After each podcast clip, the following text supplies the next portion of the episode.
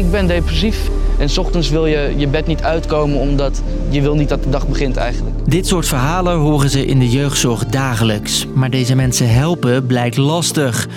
Al jaren zijn er extreem lange wachtlijsten en die worden alleen maar langer. Als een kind bijvoorbeeld een einde aan zijn of haar leven wil maken, dan moet degene echt super lang wachten. Maar als een kind zijn been breekt en wilt 1 en 2, dan is er zo de hulp. Dat moet echt anders. En dus komt de minister met een extra zak geld van 40 miljoen. Is dat genoeg? Dat is een druppel op de groeiende plaat, zoals de brief van Jeugdzorg Nederland dat noemt. Wat zij spreken over 100 miljoen per jaar. Ik ben Jasper en ik neem je mee door de problemen van de jeugdzorg. En vertel je waarom die niet zomaar zijn opgelost. Lang verhaal kort.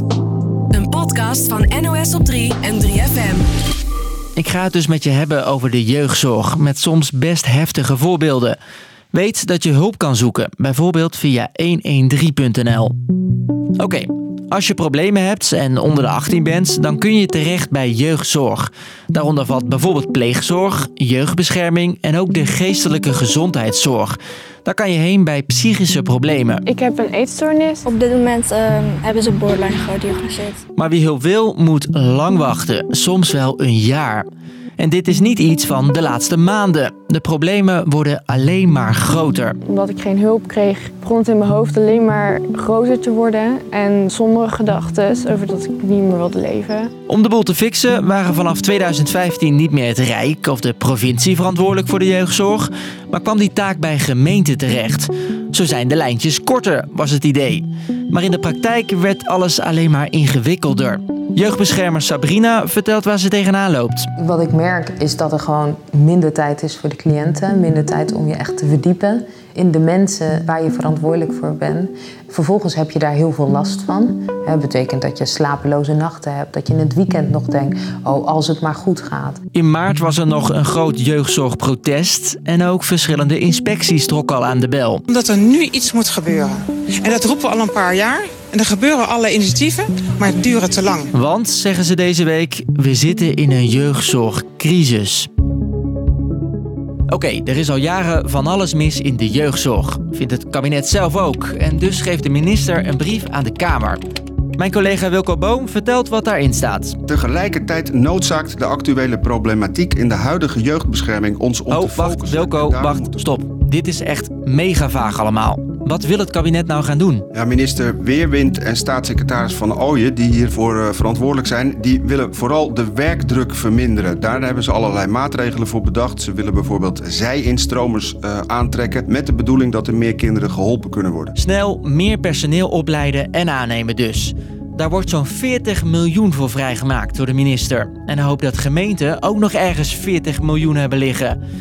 Ook op de lange termijn moeten er dingen anders. Dat de zorg voor kinderen en jongeren met complexe problemen, zoals uh, anorexia of uh, zware depressies, dat die uh, behandelingen voortaan weer landelijk geregeld gaan worden in plaats van per gemeente, wat nu het geval is. En ook in andere jeugdzorggevallen moeten niet gemeenten, maar regio's of provincies weer meer verantwoordelijkheid krijgen.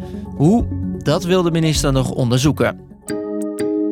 En dat is tegelijkertijd ook de kritiek.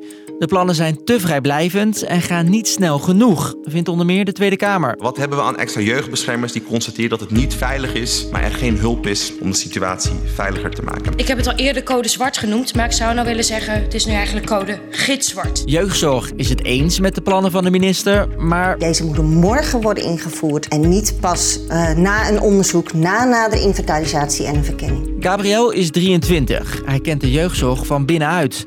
Toen zijn moeder overleed, ging hij bij zijn opa en oma wonen. En de jeugdbescherming ja, die vond toen ik elf was dat mijn opa en oma niet voldoende zorg konden dragen voor twee beginnende pubers. Dus toen zijn we het huis geplaatst en vanuit daar heb ik wel echt de hele molen van de jeugdhulp uh, gezien. Ook hij snapte kritiek op de plannen. Om nou weer te wachten op een uh, onderzoek. Er liggen al zoveel onderzoeken. Het liggen al, we weten waar de problemen liggen. En niet alleen tijd is het probleem. Hoeveel geld ze incidentieel willen steken in een structureel probleem dat al jaren bestaat. En wat er dan wel nodig is? Het grootste probleem is eigenlijk denk ik het tekort aan mensen. Daar komt dus extra geld voor. Maar volgens Gabriel en Jeugdzorg Nederland te weinig en niet snel genoeg.